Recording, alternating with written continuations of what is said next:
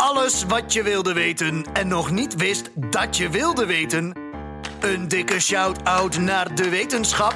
Dit is makkelijk praten. If I cover a plant in sunscreen, uh, will that affect its photosynthesis? And a lot of people believe that improving photosynthesis is going to be the way that we um, increase crop yields. Yeah, that wouldn't work if you do it with a sequoia tree. Rechtstreeks vanuit de Universiteit van Wageningen. Dit zijn Sander, Adriaan en. En wie eigenlijk? Ja, met eh, Jeremy Harbinson, onderzoeker aan de Wageningen eh, University and Research naar de genetische variaties voor fotosynthese in planten. But I should say uh, with Jeremy Harbison, researcher at Wageningen University and Research, focusing on photosynthesis and genetic variations of photosynthetic traits. Uh, that's right. Yep, Um, that's right. Yeah. we have a first. The podcast is going to be in English today, and that's because uh, Jeremy Well is uh, uh, Irish.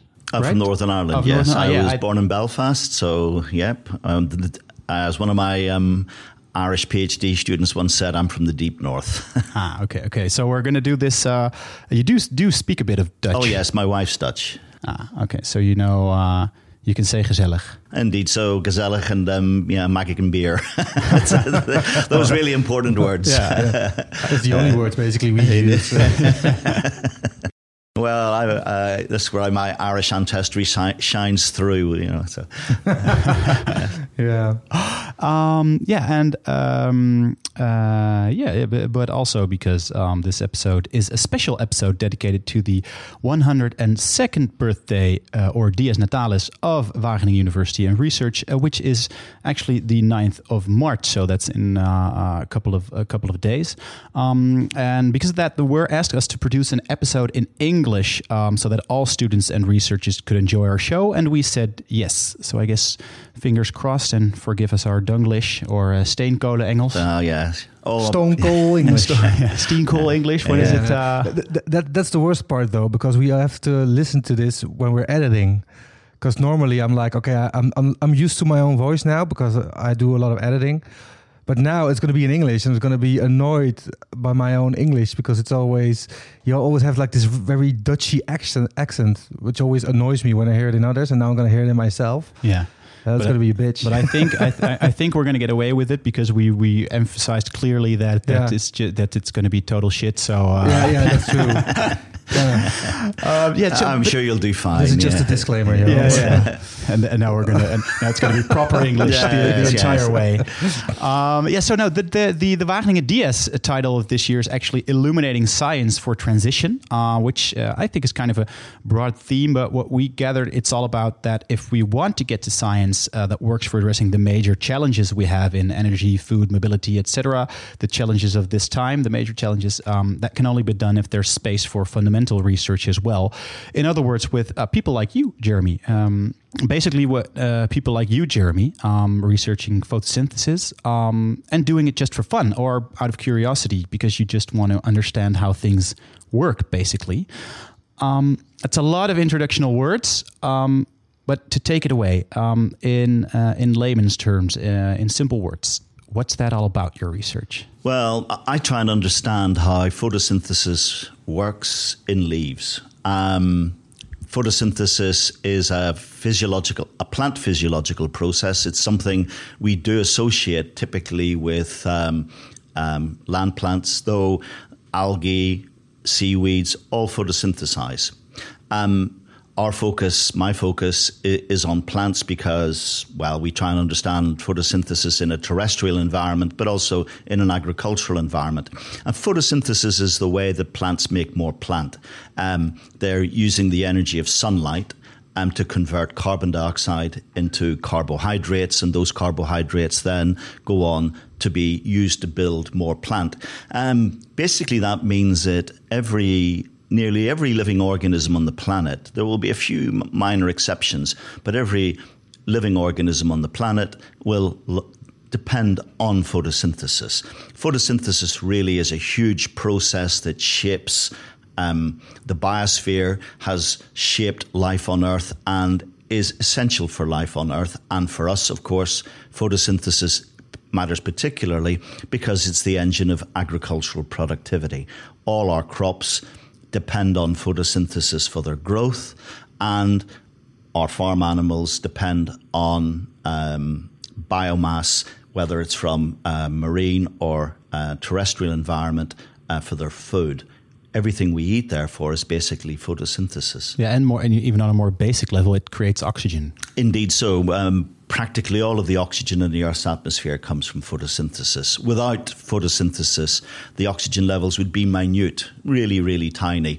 So, given that oxygen is essential for you know the kind of um, uh, more energetic life that we uh, experience, then the life that we see on the planet really depends on the oxygen from photosynthesis, as it depends on the um, organic uh, products of photosynthesis, the food that um, animals uh, and humans eat. Yes. Okay. So and and you're doing um, uh, fun, fundamental research in uh, in that department Yes. on a well, really clearly a quite fundamental uh, topic for uh, every all life on Earth. Um, just t- before we go in depth, um, we always kickstart the episode by asking a few random questions. They Yeah. don't necessarily make sense. Um, they're intended to be humor- humorous. Uh, Sure. Don't Or silly. Or Yeah. silly. Don't always work out that way, but we we do our best. Right now, I'm Um, a bit embarrassed by these questions, but let's go. so if you don't know the answer, I'll do my um, best. Yeah, I'll improvise. Answer, yes. answer anyway. Are you ready? Sure, go ahead. Okay.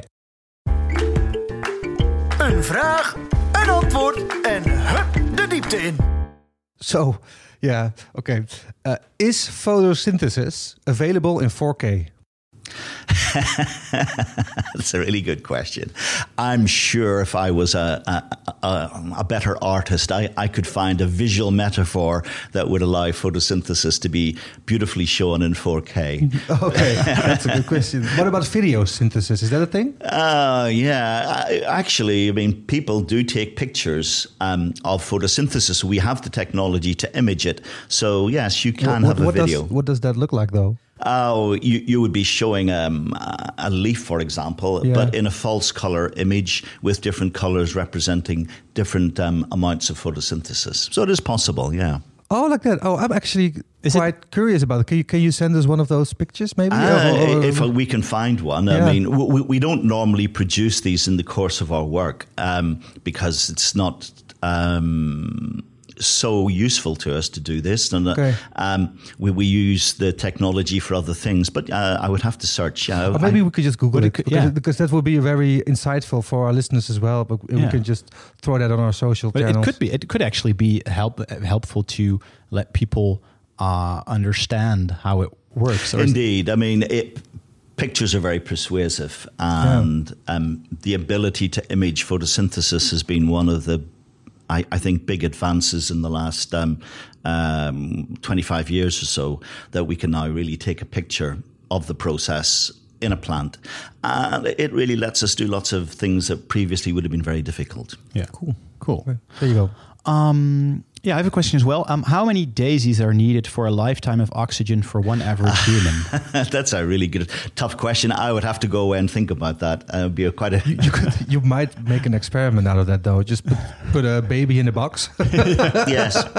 just add some flowers and see how long it's, Eh, uh, that would be. survives. I, I'm sure people would write write angry letters if we were to do that. Yes. yeah, but they probably no, need some other things as well. But Yeah, but yes, it would be possible to calculate, but I, I don't have the number. Okay, But that's an interesting it would thing to calculate. I, I like the, these kind of calculations, like silly things, like what if kind Yes, of scenarios yes, by yes. Randall Munroe. Yeah, I actually understand the, uh, the, the the purpose behind the question, and it is an interesting one. And um, it, now that you've asked me, I think it probably motivates me to go and see if we can, um, uh, you know, think of a way of calculating it. But I'm, I think it's possible to do so reasonably easily.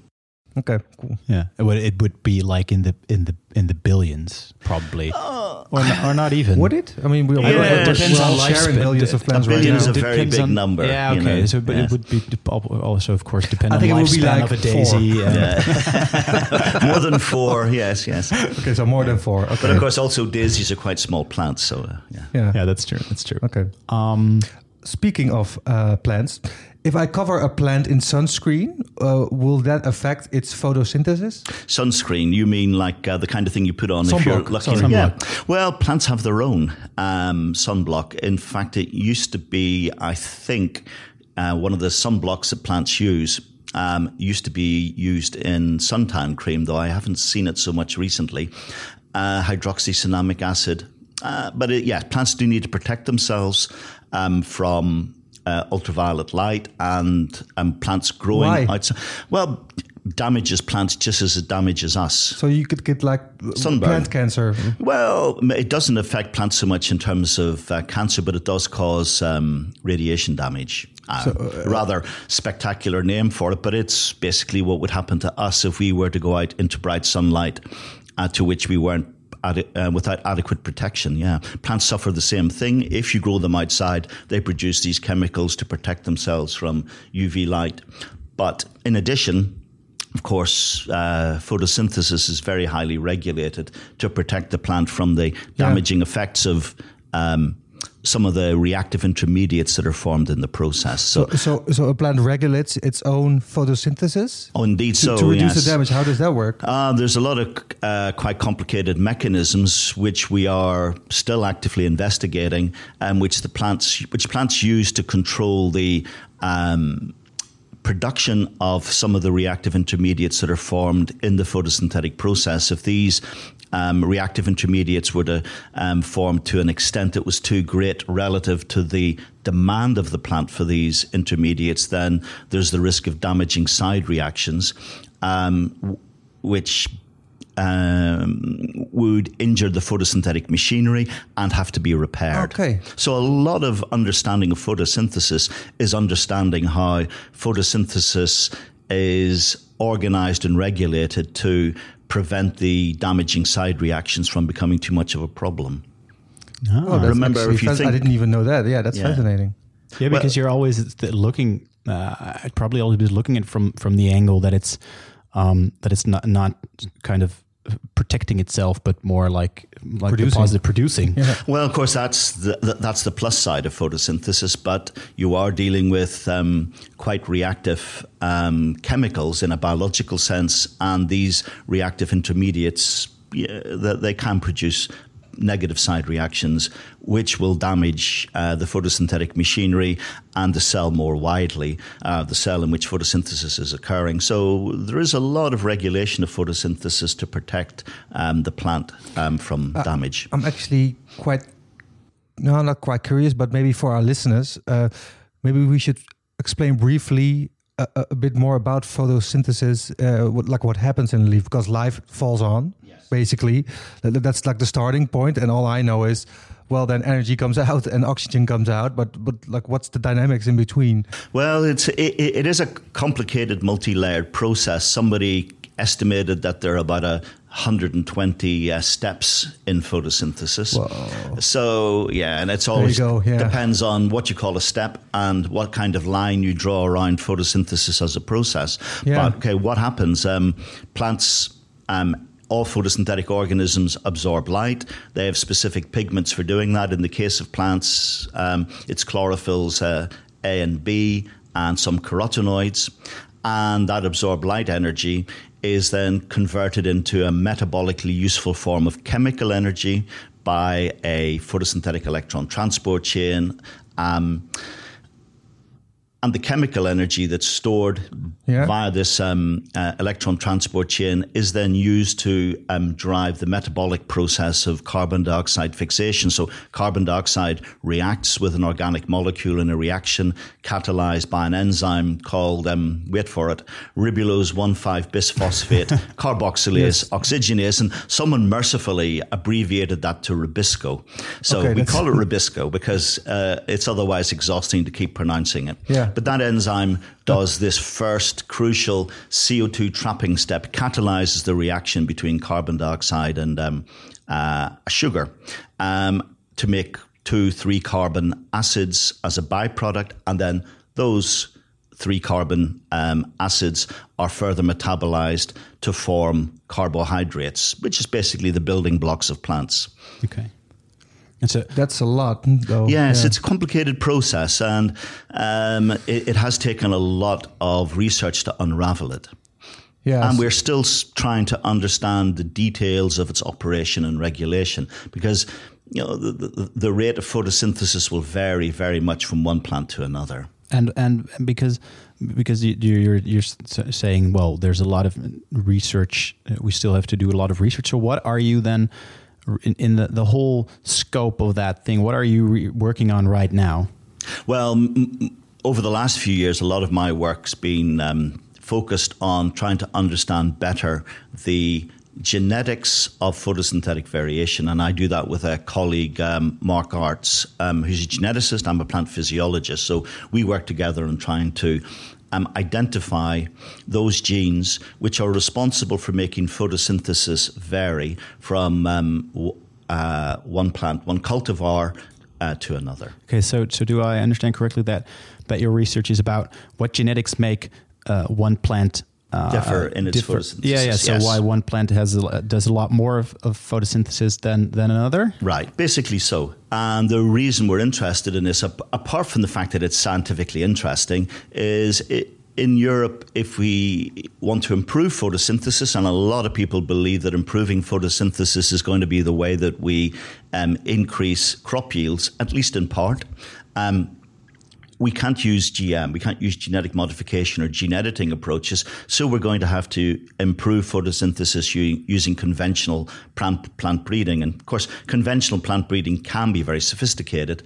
But to do that, we do need to understand the genetic basis for photosynthetic variation. And up to now, we haven't really been able to do that. But um, various uh, technological advances in the last 20 years really make that now possible. And that's what uh, Mark and myself have spent the last, um, well, I guess 10 years um, doing, developing the techniques to do this and applying those techniques. With, Um, without using gmo so we have an option to improve photosynthesis by um, means of breeding, conventional plant breeding. How do you research uh, something like that? Do you just look at the plants, or do you put them under a microscope, or how, what what happens? For photosynthesis or Uh, well, in general, like what, what's maybe more in general, what do you do Well- to, to uh, in your research? Okay, um, I try and understand how the process of photosynthesis works in leaves, and particularly in what ways it differs from one leaf to another. And that really involves, of course, we measure photosynthesis. Um, using how? oh you, you, using um, a device called a, a machine called a gas analyzer we measure the amount of carbon dioxide that a leaf takes up and that's, That's a that's a direct that's a direct measurement Yeah. of photosynthesis. It's the ideal measurement Yeah, of it's- it's just photosynthesis in many it's just ways. the fuel it uses. Um, but in, in addition, we build other machines um, that let us look into the leaf in other ways. So chlorophyll, um, one of the key pigments in photosynthesis, has um, a weak fluorescence.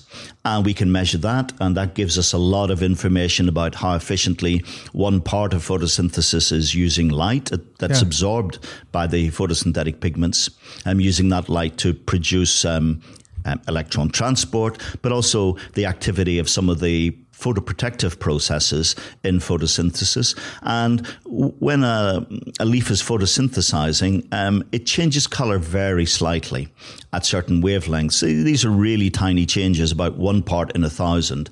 And we Of- can. of a nanometer or Well, just, uh, um, one part, the amount of light that's, absor- um, that's absorbed by the leaf changes by about one part in a thousand. ah, okay, yeah. Um, so 0.1% change in light absorption. Uh, we can measure this, and that gives us other information about how well bits of the photosynthetic machinery are working. So what we're doing is measuring as many things as we can, looking at different parts of photosynthesis with the available technology that we have, and then um, producing an integrated picture Yeah. of how that leaf is uh, functioning photosynthetically.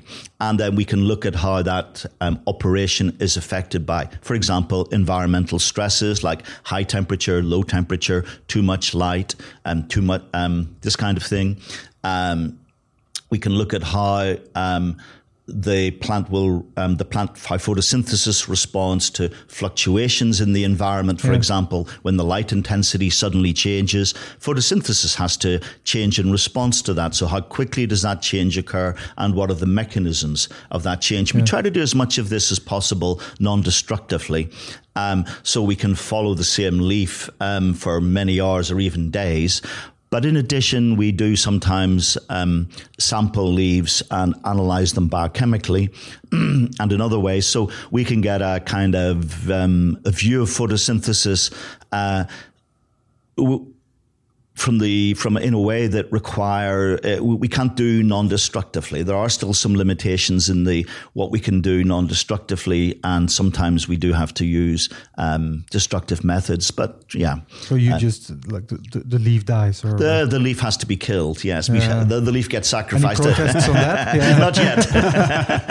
that would that would be a new one. Um, well, but, wait wait a hundred years. Yes, who knows? yes, know. uh, but save this leaf. Um, so, but it, it, the, reason for trying to do things non-destructively isn't for a sentimental or emotional reason, but just that then you, you can be following the process within the same leaf yeah. um, with time, and you, are not having to change, you know, from one leaf to another, uh, having to take into account the intrinsic variation there might be between different leaves. Yeah. Yes. So I have two questions. Uh, first of all, you just said like you're trying to paint a picture uh, by all of uh, using all these different things. How complete is that picture right now? It's getting um, more and more complete. Um,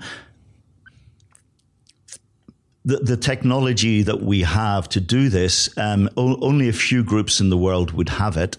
Um, uh, and we all of us work to try and unravel how photosynthesis is regulated. But now that we're facing the, um, a future where food security might be diminishing and we have to deal with the problems of climate change, then interest in photosynthesis as a solution to these problems is growing. So more and more people are starting to do research um, on photosynthesis, including the kinds of um, uh, research that um, I do uh, with the methods that I use. So it's speeding. So it's speeding up. Yes, more and more people working on photosynthesis. Photosynthesis now seem to be one of the possible solutions for the you know the future problems, or some people would say there these problems are already here um, that we will face. Yeah. So at one part, you, you're trying to paint this picture of photosynthesis. Yes. But then there's also the genetics part. So you're trying right. to map that against each other because what do you know about the genetics? Exactly. Yes. You want to. I mean, uh, genetics underpins all living organisms. I mean, we're all dependent on our um, on our genes, and if we want to understand why photosynthesis is better, let's say, um, in one plant compared to another, it will come down to genetics. Yeah. And if we want to improve photosynthesis, then it's logical, therefore, that you would try and understand the genetics of photosynthesis because it's the genes that determine photosynthesis that we want to play with whenever we want to improve photosynthesis. So that is what's motivated uh, Mark Aarts and myself to spend uh, a lot of the last 10 years trying to work on this problem. How you know how do you um, identify the genes that are responsible for variation in photosynthesis, and then um, what can we do with that information once we have it?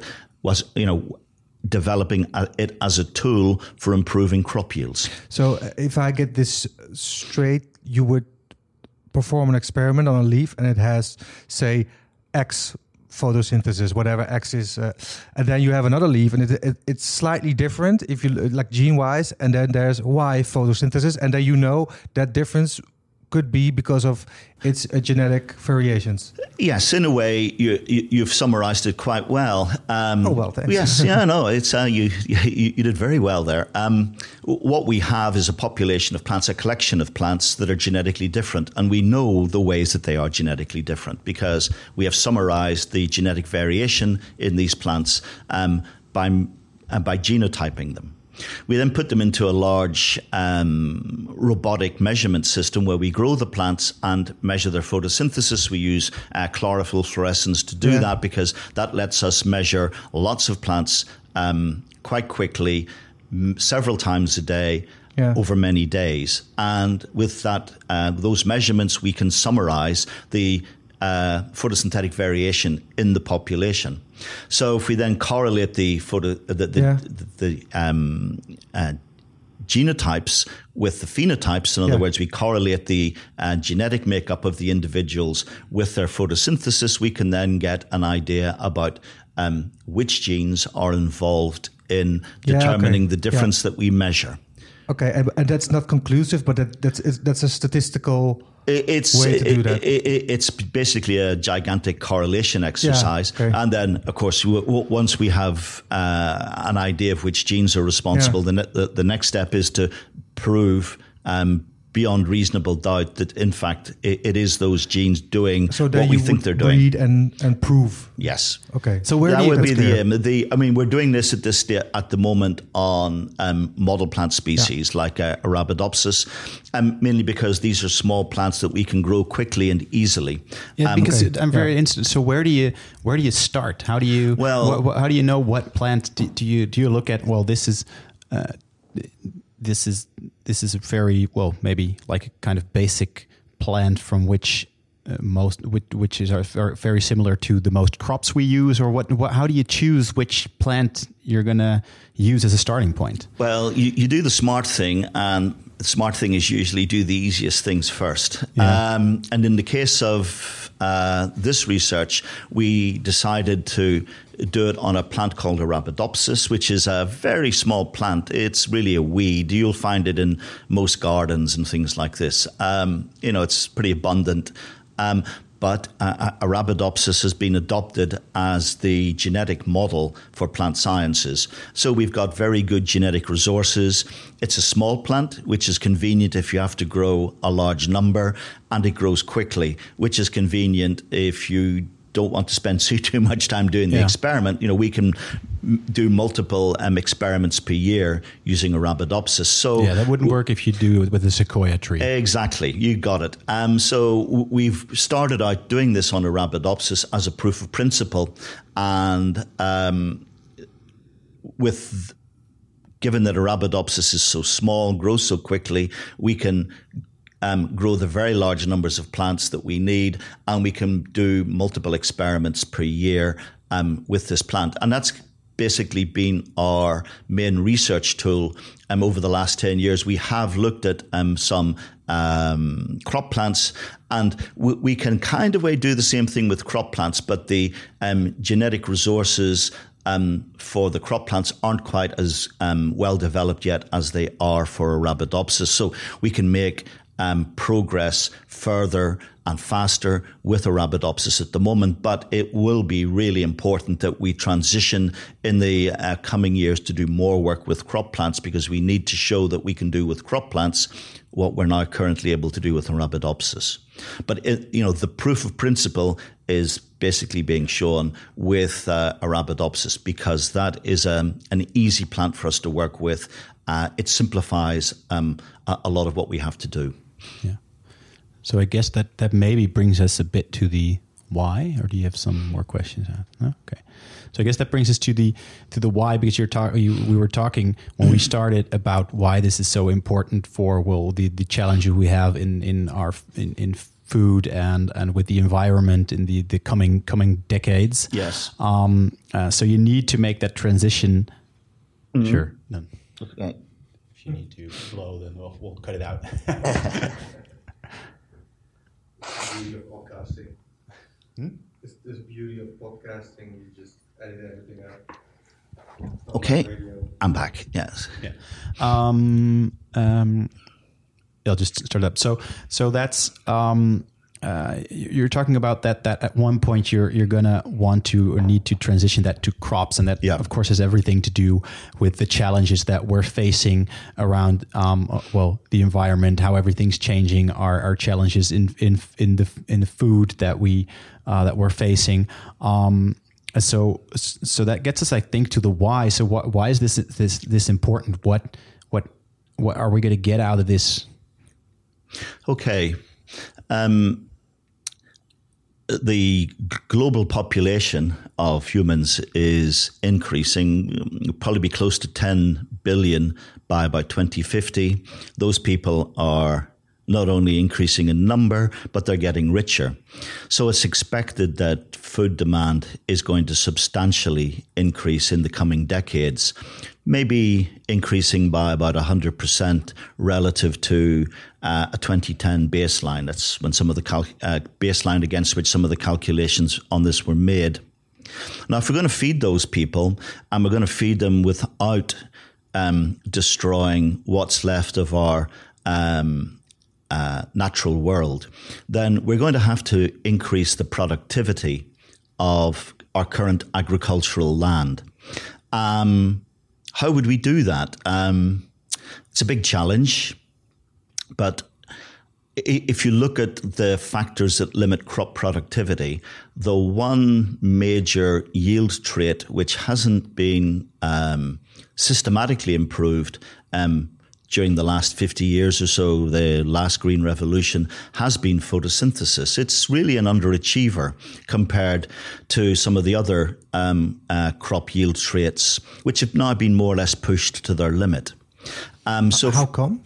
Well, um, photosynthesis is a very complicated process. It's, um, you know, whenever people were pioneering the first green revolution, photosynthesis was barely understood. Um, there were some attempts to improve photosynthesis back in the 60s and 70s, but they really didn't succeed. Um, other yield traits um, were easier to improve. They were the low hanging fruit and they were targeted first. So we've done a lot with um, the other yield related traits like um, the um, harvest index and radiation interception by crop canopies. Okay. The, the, the, yeah. the, the, trait that's really not been improved systematically in crop plants has been uh, photosynthesis. So now a lot of focus on photosynthesis to try and use it, uh, better photosynthesis, as a way of improving crop yield.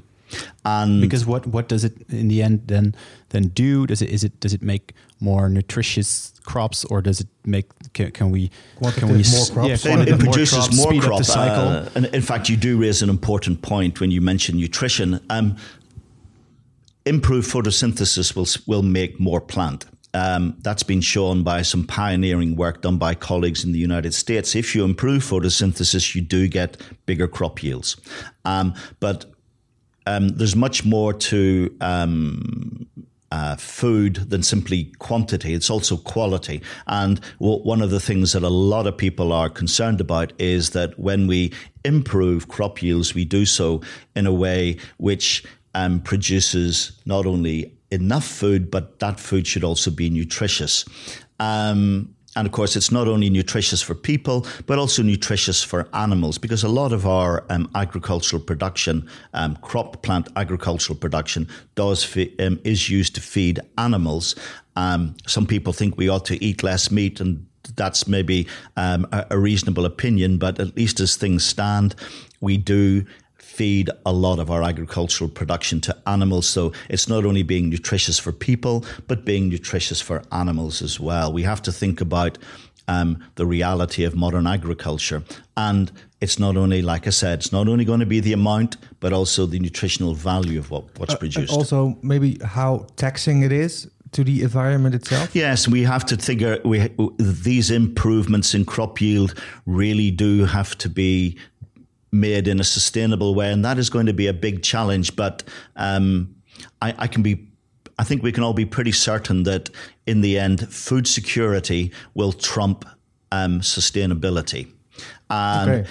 You know, but it, it's basically up to all of us working in plant science research, in agricultural research, to develop ways of producing more food make sure that food is healthy and nutritious and that it can be produced sustainably. So it's going to be a big, big challenge. So does, does how, much of an impact does do you think your research is of not your research, but like photosynthesis in general is could have like five percent, ten percent, or is, oh. is, is a percentage not uh, a thing at all? Well, I mean, some of the um, work that's been done by our colleagues in the US, they've shown with the even relatively modest improvements in photosynthesis, um, let's say in the order of um, 10%, you can get um, increases in crop yield of 20% or so. And that's really just because of the way the plants grow. Um, some work done by colleagues in the Yeah. UK have shown even bigger But increases. huge, though. Um, yes, indeed. Um, really impressive um, yield increases with relatively modest increases in photosynthesis. And it's really because for part of their life, um, plants grow exponentially.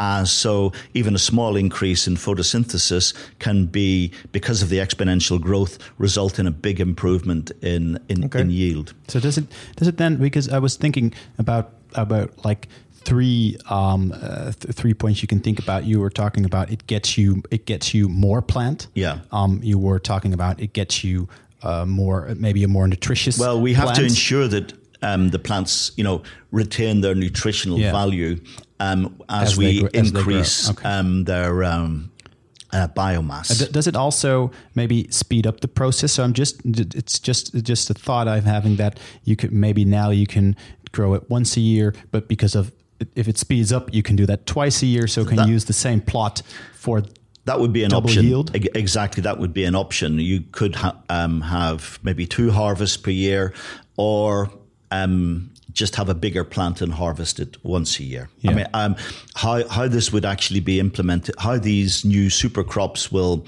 Um, Work in practice um, kind of goes uh, slightly outside my area of expertise, um, but it's the kind of things you would think about more than one harvest per year. Yes. Yeah.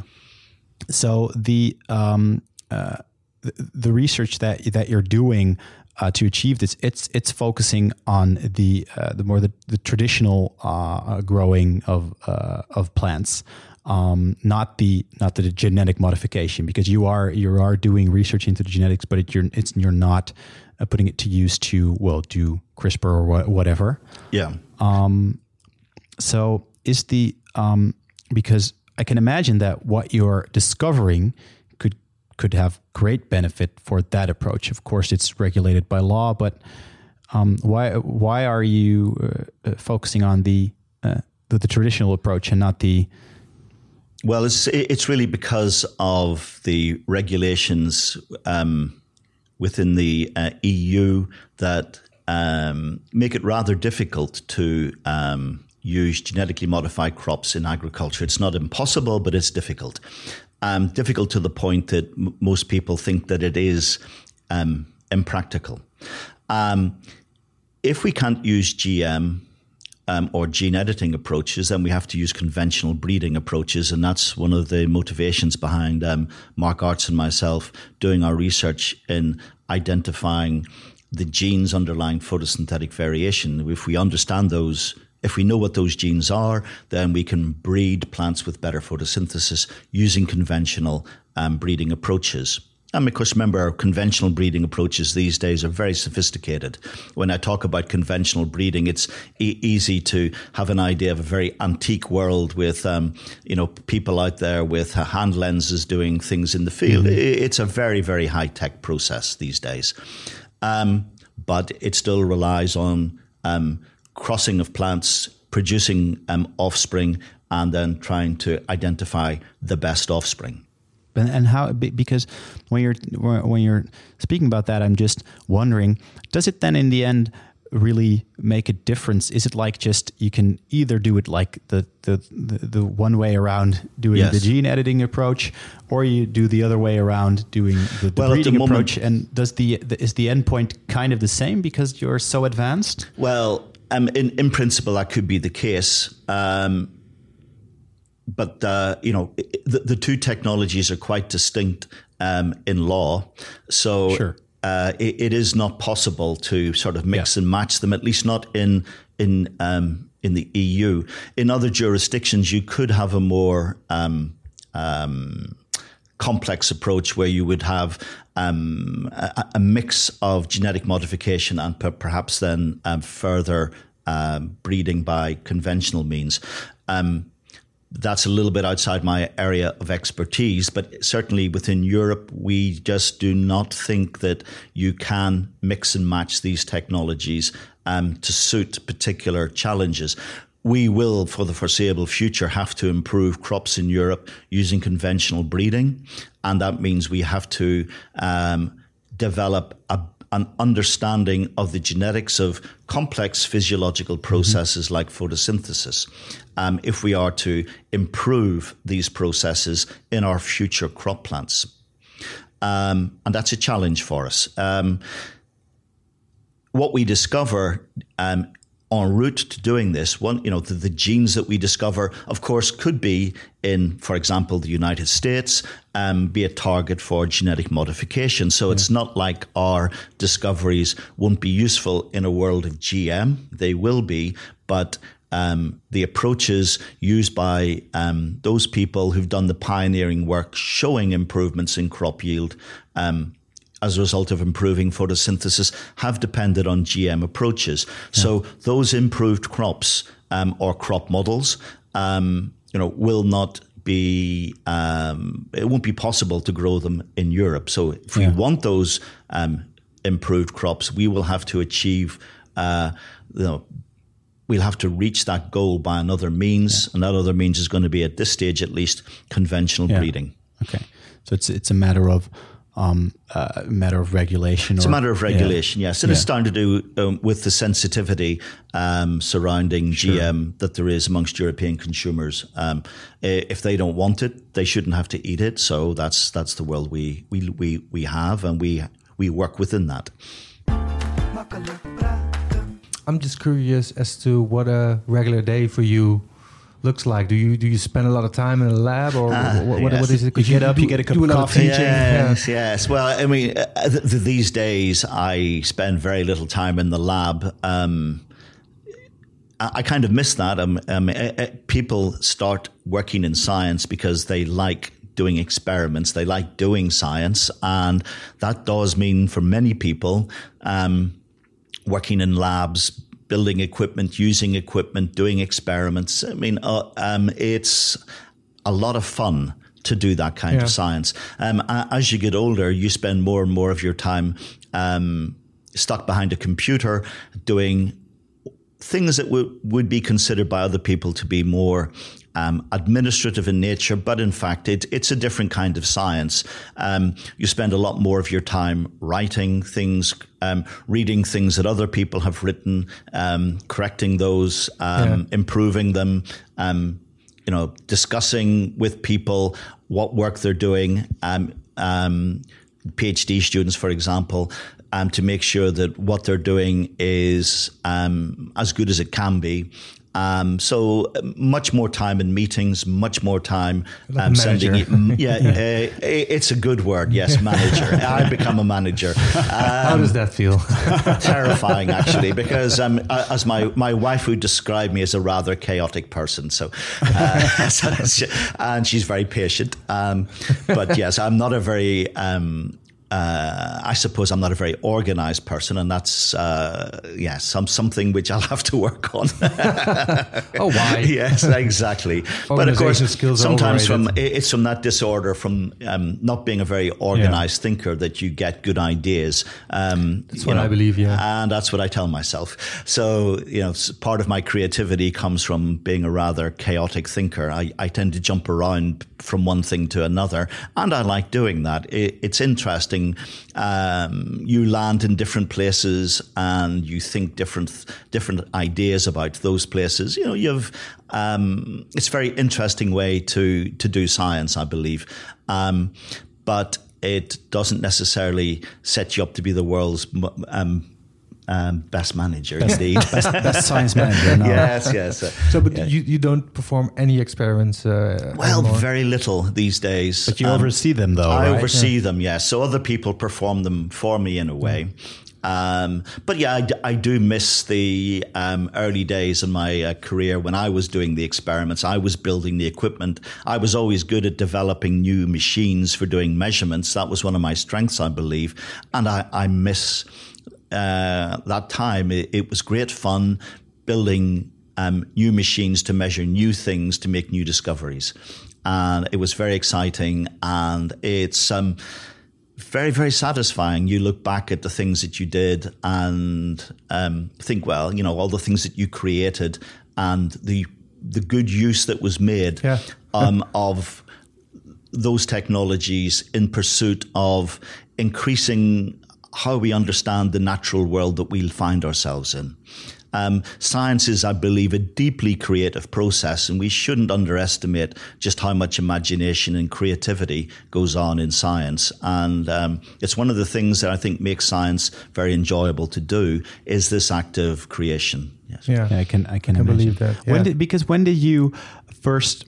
When did you know that you wanted to dedicate your life to science, or more particularly to this? Uh, th- probably this? when I was about eight or nine. Really? Yeah. No, I. It was something I, for some reason, when I was at that age, I really thought this is what I want to do. I, I. Force, I, I could see a future for myself doing science. But and was it plants already then? Um, oh no, no. I, I, to begin with, it was chemistry. I, I loved chemistry and I still do. But when I went to university, I got exposed to um, yeah well, I always liked growing plants. And when I went to university, I started to, to study them and gradually moved away from chemistry um, to um, studying um, plant sciences. Yeah. But cool. yes, I it was a, I was originally going to be a chemist, and I often wonder how different my life would have been. Yeah, still. Well, yes, indeed. Of course, biology is very much applied. Yeah. You can see it as applied chemistry and applied yeah. physics, and photosynthesis in particular. There's a lot of chemistry and physics, and that's very it's very helpful to have a good background in physics and chemistry if you're going to work on a in a, in a subject like photosynthesis as a physiologist. So, uh, so, so, you were talking about that, that when, when you were younger, you actually wanted to be a chemist, and gradually you went into well biology, plants, yeah. and it's um, so what what typically what kind of people uh, work in uh, do do research in uh, photosynthesis? It, it, it is very diverse. It, it's a huge um, process in terms of its complexity. Um, so I work in the biophysics group in the, uh, the University of Wageningen. Um, I'm a really a, more of a physiologist than a physicist, but there are lots of there are some of my colleagues here are are really uh, physicists. Um, others will be chemists, biochemists, physiologists. Um, geneticists, phylogenomicists, so they're looking at um, the um, variation um, in photosynthesis between different group groups of plants. Um, putting it rather simply, ecologists, ecophysiologists, bioinformaticians, crop physiologists. Um, there's a whole range of uh, scientific specializations who work on photosynthesis in one way or another. And one of the really good things about doing photosynthesis in Wageningen is a lot of these people are here.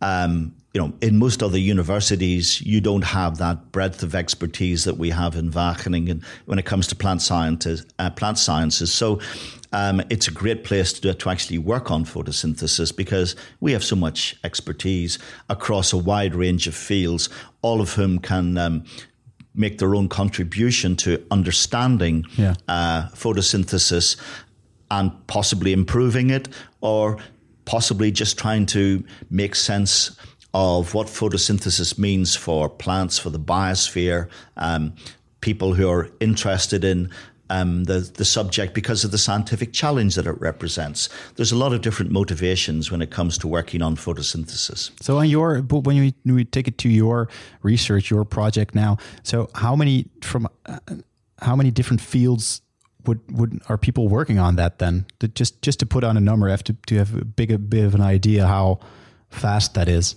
Well, I mean, um, in our own research, in the research we yeah. do here, oh, well, um, we have at the moment um, a very multidisciplinary process which involves, I think, about five or six different um, distinct fields. Yeah. Yes. And say that's one of the good things about working here. We can put together these complex pro- programs and do them within um, uh, Wageningen because we have the expertise here. Thanks, wetenschap. Yeah, because what we uh, also tend to end with is um, uh, we asked you to think about something yes. that makes you grateful for science in general, something that makes you say, "Yeah, thanks, science." What is that? Enlighten us. Yeah, I, I thought about this. I thought it was a really interesting question, and course, you start thinking about those more headline modern results of scientific progress like semiconductors and all of the things we can now yeah. do. The fact that we're here doing yeah. this is uh, yeah. uh, dependent on everything semiconductors. Um, exactly. But I suppose uh, thinking around it, if you th- imagine having things taken away from you, uh, what would be that's, the one thing that you wouldn't want to lose? And I guess it comes down to either anesthesia or antibiotics. Because yeah. um, I was thinking, well, imagine what it would have been that like. Would suck. Yeah, exactly. it would be worse than that, really, wouldn't it? imagine what it would be like having an operation without anesthesia. Yeah. Uh, imagine having to take your um, someone you love to a hospital where they were going to be operated on without pain relief, and you would be, yeah. ooh, no, I wouldn't really want that. So, uh, and antibiotics have it's likewise, like, yes, that's like imagine having to bury something because they cut their finger. Exactly. So, yeah, yeah I, I, that's why I, I, I would be choosing either between uh, anesthesia or antibiotics, and possibly anesthesia. I, I, guess that's been for many people. Um, it's, Even it's very if they don't realize it, yeah, yeah. so you, you just take it for yeah. granted. You don't, you don't think about yes. it because it's such a, it's, a routine thing. Yeah. Yes, but if you go to hospital, you have an operation, you fall asleep before it, and you wake up after it, and basically you remember nothing. And it didn't used to be like that. So I, I would go for anesthesia. Yeah, yeah. It's it really. I, I, never looked at it that way, but it's really. It's, it's kind really of a very obvious answer, but nobody uh, gave that answer yet, did they? Yeah. So uh, good, good answer. Thank actually. you. Now, yes. I'm, now I'm very grateful for it as well. So yeah. that means it's a good answer. um, okay. Yeah, I think that marks the end of this uh, this episode of uh, Makkelijk Praten. Um, okay. Jeremy, thanks for joining us. And thank you for the opportunity to talk about uh, my work. Yeah. Um, as Very all welcome. our guests, we're going to reward you with uh, the one and only Makkelijk Praten mug. Um, oh, thanks. Uh, so that, that, you can have that on your desk while yes. you're uh, while you're managing. Uh, it's a really managerial mug. You can mm. really no, but so um, uh, so you'll be getting one. Um, We'll be back in uh, two weeks with a new uh, Makkelijk Praten podcast. Uh, a regular Dutch uh, episode uh, yeah. in two weeks. Meanwhile, you can follow us on Spotify, Apple Podcasts, Google Podcasts, and all other podcast apps, and of course, our social media channels. Subscribe. Subscribe. Yeah. Please like, rate everything. Um, no less than five stars, please. um, everyone at Wageningen University and Research, happy birthday, of course. Thank um, you. oh, yeah. Uh, have a great day, the 9th of March, and a yep. lot of fun uh, with talking about the uh, Illuminating Science for Transitions topic. Uh, and I hope you have a great party as well. There's going to be a party, right? Oh, it's a very sober party. oh, no. yes, I know. It's parties aren't what they used to be. anyway, uh, nevertheless, a lot of fun at the yes. sober party. Yeah. Um, and as always, uh, thanks to our uh, our partners, starting of course with uh, Wageningen University and Research, but also Utrecht University, um, the University of Amsterdam, um, and uh, NICAV. Um, and we'll see you in two weeks. Cheers. Bye. Bye. Tot de volgende.